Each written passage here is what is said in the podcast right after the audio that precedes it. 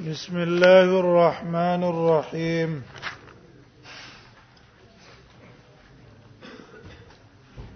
باب ما جاء في زکات مال اليتيم بعد بیان د هغه حدیث کې چراغله ده په بار د زکات د مال د یتیم کې یو یتیم دی بلوغ ته نه رسیدلې ماشوم دی ځکه یتیم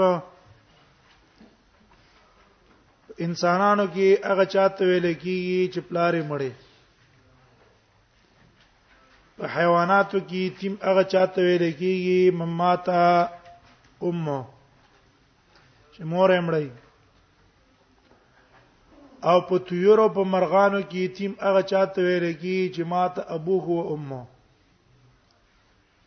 مور او پلار دوان مړ شي هغه ته یتیم ویل کی که یو پکې مړو هغه ته یتیم نه ویل کی یتیم ده هغه ته په میراث کې مال پاتې شو او دا نصاب ته رسیږي او په دې باندې کال تیر شو آیا په دې تیم باندې زکات پرز ده کنه یو مذهب ته د جمهور علماو امام مالک امام احمد امام شافعي دا د هغه مذهب ده او امام ترمذی دا قول نقل کړی د عمر د علی عائشه او عبد الله ابن عمر نه هم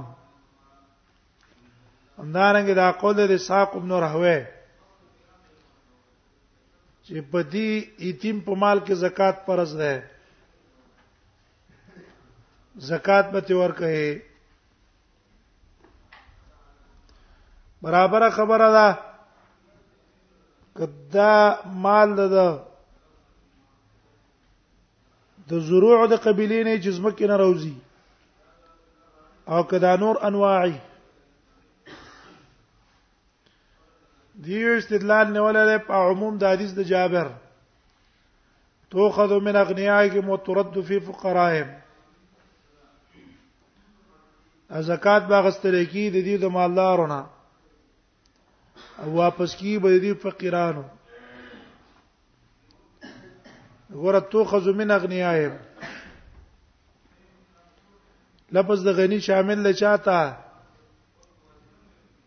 غنی دی مسلمان ته برابر خبره کی یتیمی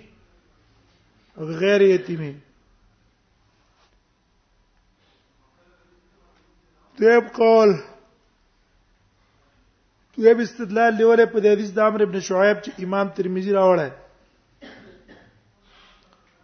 نور محدثین هم راوړی چې نبی صلی الله علیه وسلم فرمایي من ولیا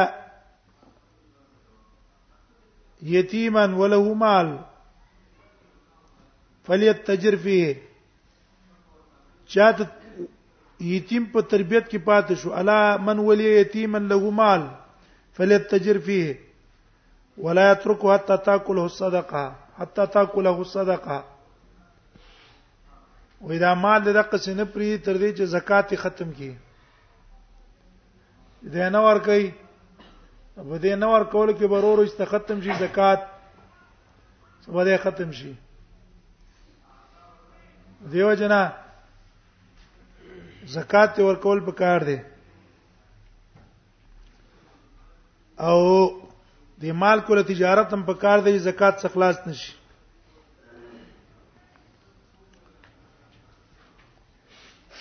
دویم قول د امام بونیفه ده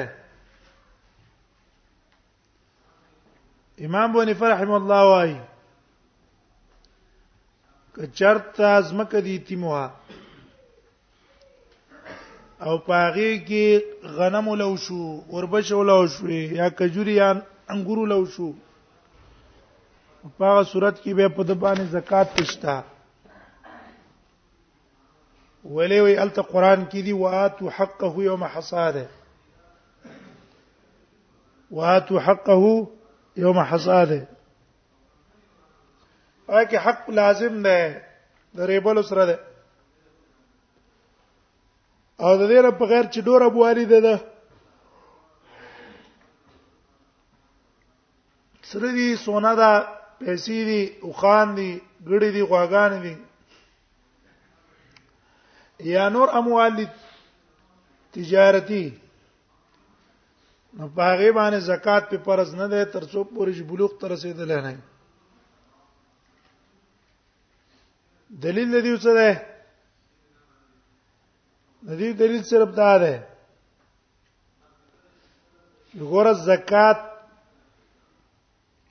د پاره زکات عبادت ته عبادت د پاره نیت پکار ده انما الاعمال بالنیه او یتیم اهل د نیت ده نه کما شوم ده ما شوم نیت له اعتبار نه دیو جن زکات په سپرز نشو سلبانه ورسې دی زکات لابد له من نیه زکات لپاره نیت ضروری ده زکات عبادت ته زکات عبادت ته عبادت لپاره نیت پکار ده زکات لپاره نیت ته او ماشوم اهل د نیت نه ده ماشوم اهل د نیت نه ده ذکر کوټه ده یتیم ور کوټه ده دیم استدلال نه ولې په مشهور حدیث رفع القلم عن ثلاث درې کسان نه الله قلم د تکلیف پورته کړه پای کې یو ماشوم دی وان سبیات ته احتلم علی رضا هم روایت ده دا ماشوم نم الله قلم د تکلیف پر تکړه تر څو پر جی بلوغ ته ورسیږي لیکن جمهور علما جواب کړه چې دا زکات ته حقوق مالی دي او حقوق مالک نیت ته ضرورت نشته غیر د نیت داغه نه بهم ته اخلي په شان ته د نور حقوقو مثلا یتیم دی ور کوټه دی خزه کړي خزینه فقط په لازمه ده کنه ده دینه تو کی کوي وینه کی ور کوي وې دغه سي دی یتیم په لار باندې د چا حق ده دین ده پلار مړ شو مال پرې خوستو دي تیم ته په میراث کې دا قرض به د مال نه ورکی کنه به ورکی دا اهل د نیت ده نه ده دغه حدیث کې دا راځي نبی صلی الله علیه وسلم چا زکات ورنکو ان اخذوه وشطر ماله موږ به دا زکات ته مخلو او د مال څخه سبب ته اخلو وګوره د د نیت شته په زکات ورکولو کې کنيته په زکات ورکولو کې وې ورکړې وې کنه او نه ورکو چې حکومت په زور اخلي او بیا هم زکات یې څه شو نیت یې نشته دی او نبی سم د څه کو زکات وکړو دیو جنا راجح قولم دا ده چې د یتیم په مال کې څه شه ده چې کله مالدار او زکات پکې شته او به قال حدثنا محمد بن اسماعيل قال حدثنا ابراهيم بن موسى قال حدثنا الوليد بن مسلم عن المسلم بن الصباح عن عمرو بن شعيب عن ابي عن جده ان النبي صلى الله عليه وسلم خطب الناس نبی سم خلکو ته خطبه ویله وقال وی فرمایله خطبه کې ویله الا خبردار من ولی یتیمن سوچي والیو ګرځو دی یتیمه تر دې ورارو ته پاتې شو بیا حاکم برا لګیږي په دیو کې به یو منتخب کوي کنه چې تی ولی شوي او دې یتیم د مال حفاظت به تکه من ولی یتیم انده معنا شو وله مال او د دې یتیم مال هم شتا فلیت تجر فی تجارت دی پوکي هم علماء دا فلیت تجر فی امر د وجوب د پاره نه استحباب د پاره ده څه د پاره ده استحباب د پاره دلیل په حدیث د علی ده علی سید ایمانان وو داغي پیسې وسره وي کله چې پیسې ته وایک هغه علی ته ویاله دا پیسې تا موږ له پوره نه دی راکړي دغه خو کمبوت ته حالی ته ویاله څونه کمبوت ته وې دونه وې دونه کرونو زکات حساب کوي تاسو هغه حساب کې پوره کړې نو ولې ما بس تاسو د مال زکات نه ورکاو ګور علی ولب کې تجارت نه ده کړه دا امر د استحباب د پاره ده دیو نه ولیله په کار دادی چې د مال مصلحت ته وګوري چې را مصلحت په څه کې ده که په تجارت کې مصلحت تجارت ته ولوکي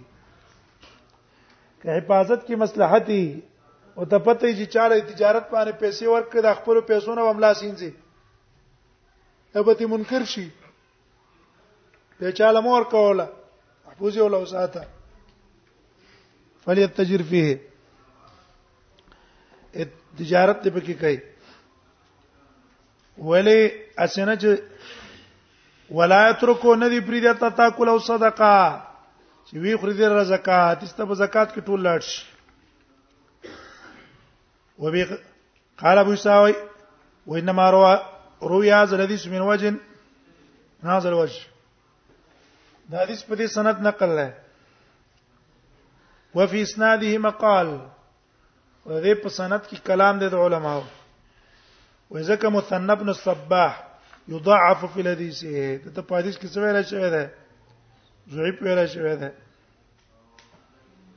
ضعف فی الحدیث وروا بعض ما ذل حدیث او بعضو کسانو د حدیث نقل کړي د چانه د عمرو ابن شعیب نه ان عمر ابن الخطاب ذکر هذا الحديث دا حدیث ذکر کو وقد اختلف اهل العلم في هذا الباب د علماء په دې باب کې اختلاف ده فراغ غیر واحد من اصحاب النبي صلی الله علیه وسلم ډیرو کسانو د اصحابو د نبی صلی الله علیه وسلم نه دا لیدلې دي فی مال الیتیم زکات چې په مال د یتیم کې زکات ده من عمر و علی و عائشه فک عمر هم د عالم د عائشه هم د ابن عمر هم ده وبي يقول مالك والشافعي واحمد واسحاق وقال طائفه من العلم یو ډلې د علماو نه ویلي دي لیس فی مال یتیم زکات مال د یتیم کې زکات نشته او وی یقول سفیان الثوری دا قول د سفیان الثوری عبد الله بن مبارک عمرو بن شعیب څوک ده وای دا ابن محمد ابن عبد الله ابن عمرو بن العاص ده او دا شعیب چې د قد سمع من جدي د ګوره د خپل نکنه اوریدل کړي چې عبد الله ابن عمر ده دیو جنا زمایر مونږ څه کړو امر من شعیب انا نبی ان جدي جدي کې زمير شعیب ته راځي کو کنه او یا زمير مکه هغه ته راځي کو شعیب زوی ته جد نه مراد جد اعلی نږدې نه کنا جد اعلی وقد تكلم يحيى بن سعيد في حديث عمرو بن شعيب يحيى بن سعيد په حديث د عمرو بن شعيب کې کلام کړه وقال ویل دي هو عندنا وه ازما پنځ زم پنځ باندې څه ده دا واقع ده ومن ضعفه فانما ضعفه من قبل چا چې دې تزویب پیدا ده دی وجنه تزویب پیدا ده من قبل انه يحدث من صحيفه جده دی وجنه چې دا بیان د سنه کوي صحیفه د خپل نکنه کوي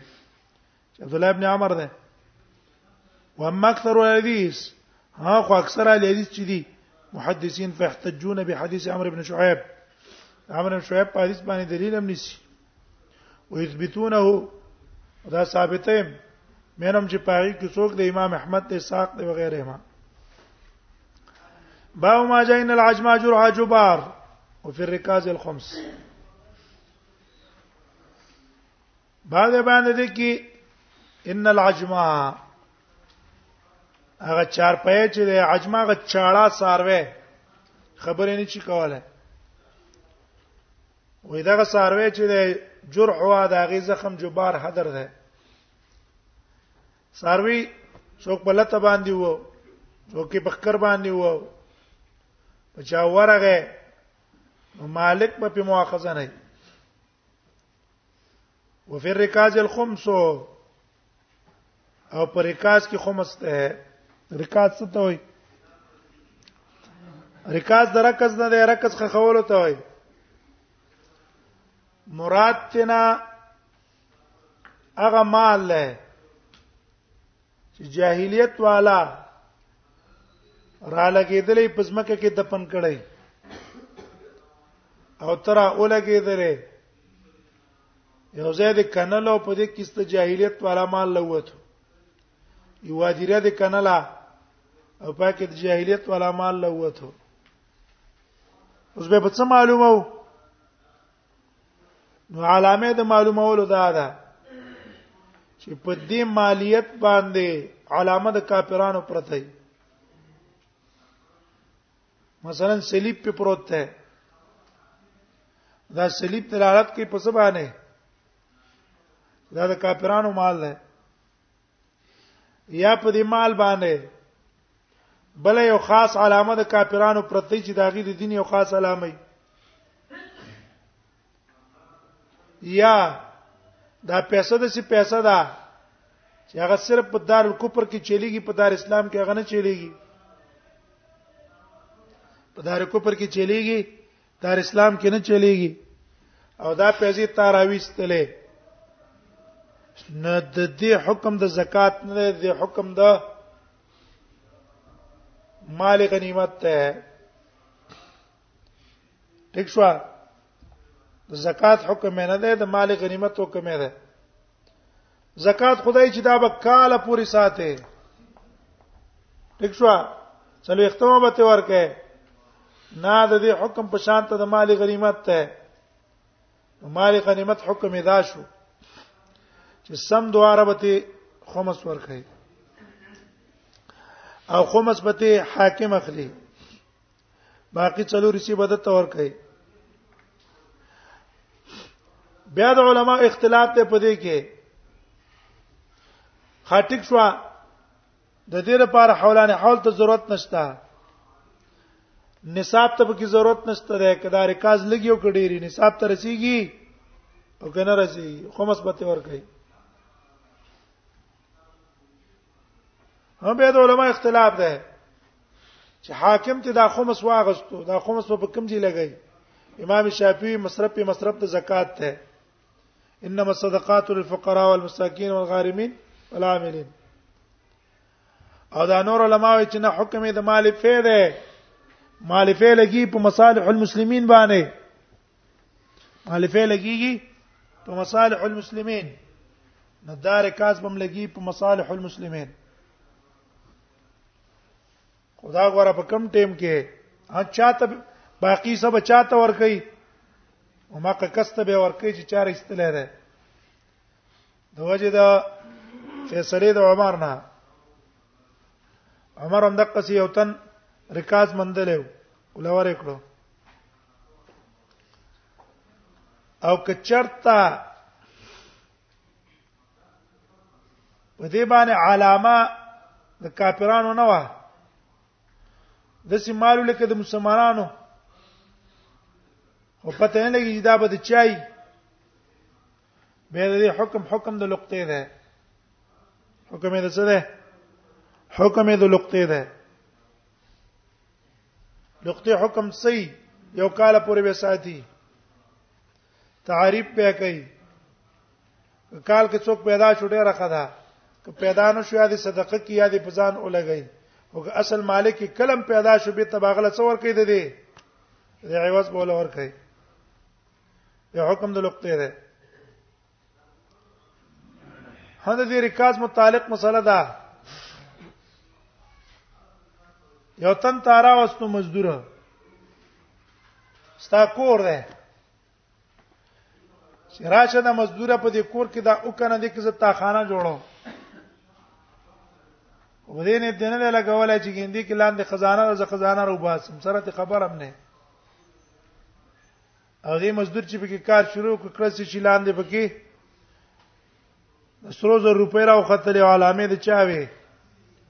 کاپرانو علامه وي وز بدا پیسې دا عامل باخلی کدا کور والا باخلی کور باخلی عامل باخلی نو که چرته کور والا راوسته ودی د پاره چې الکه د ازي یا جوړ یادګار دی تراشه دا وکنه چې په کراو نه وزي به چې دا چا ده کور والا ده او کنا کور والا دې سکار نشتره عمل لپاره راوستره چې دا خاور پیو باسي نو بس دا شی ده ده عامل انما الاعمال بالنیات انما الاعمال بالنیات دا مسله ذکر کوي باب ما جاء وبقاسنا قتيبة قال سنة ليس بن سعد عن ابن شهاب سعيد المصيب وابي سلمة عن ابي هريره عن رسول الله صلى الله عليه وسلم قال العجمه وجرح جرحها عجمه ساروي ته وي ځکه خبرې نشي کولای چې اړه ده هغه چاړه ساروي چې د جرح وا د هغه زخم جبار حاضر ده زمانہ ساروي ولاړه ته خواله وراله استله ته دل درخه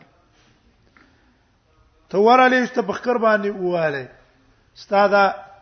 تاوان اصل اړو د مالک نه بچنه غواړي مالک نه به تاوان نه غواړي ته درش عبس لاړو دراج بار الاجماع دراج بار هم بیا دا پاغه صورت کې چې کله دې ساروی څخه قائد نه وي که په لار باندې ما روان کړی دی او په دې کې استزمانه څوک وو به خو زه تاوانی مکنه ها بیا په دې کې یو صورت ده که د شپې د چا پټو ته دا سروي ور واوختو نو د جمهور علماو مذهب پیدا ده چې تاوان به دا مالک پر کوي او که د ورځې د چا پټو ته ورغه تاوار نشته وجه د پیسې د رسول الله صلی الله علیه وسلم نه او امام سبي په دوه صورتونو کې په تاوان نشته الوجما جروا جبار عموم ده احنا په مذهب ټول په عموماتو بنا ده تخصیصات غي ډېر کم ځای کې معنی والمعدن جبار همدارنګه معدن هم جبار ده معدن څه معنی زکان کنه ما پای کې ما ته پته لږی کانی پکې دي لال دي جواهر دي دا تر وباس په دې کې ما کرنه شو په دې پاسه ودره د استګړه شي را پرې وته به ما ته به څوک نه وي چې ولې تا د څه کړه نه به ورته کنه یا مزدور می ولګاو هرکه دا غار کنل په کار دي چې دا غرو پرو بازو سره او دې کې استشاره وکړځه او مزدور پکې مړ شو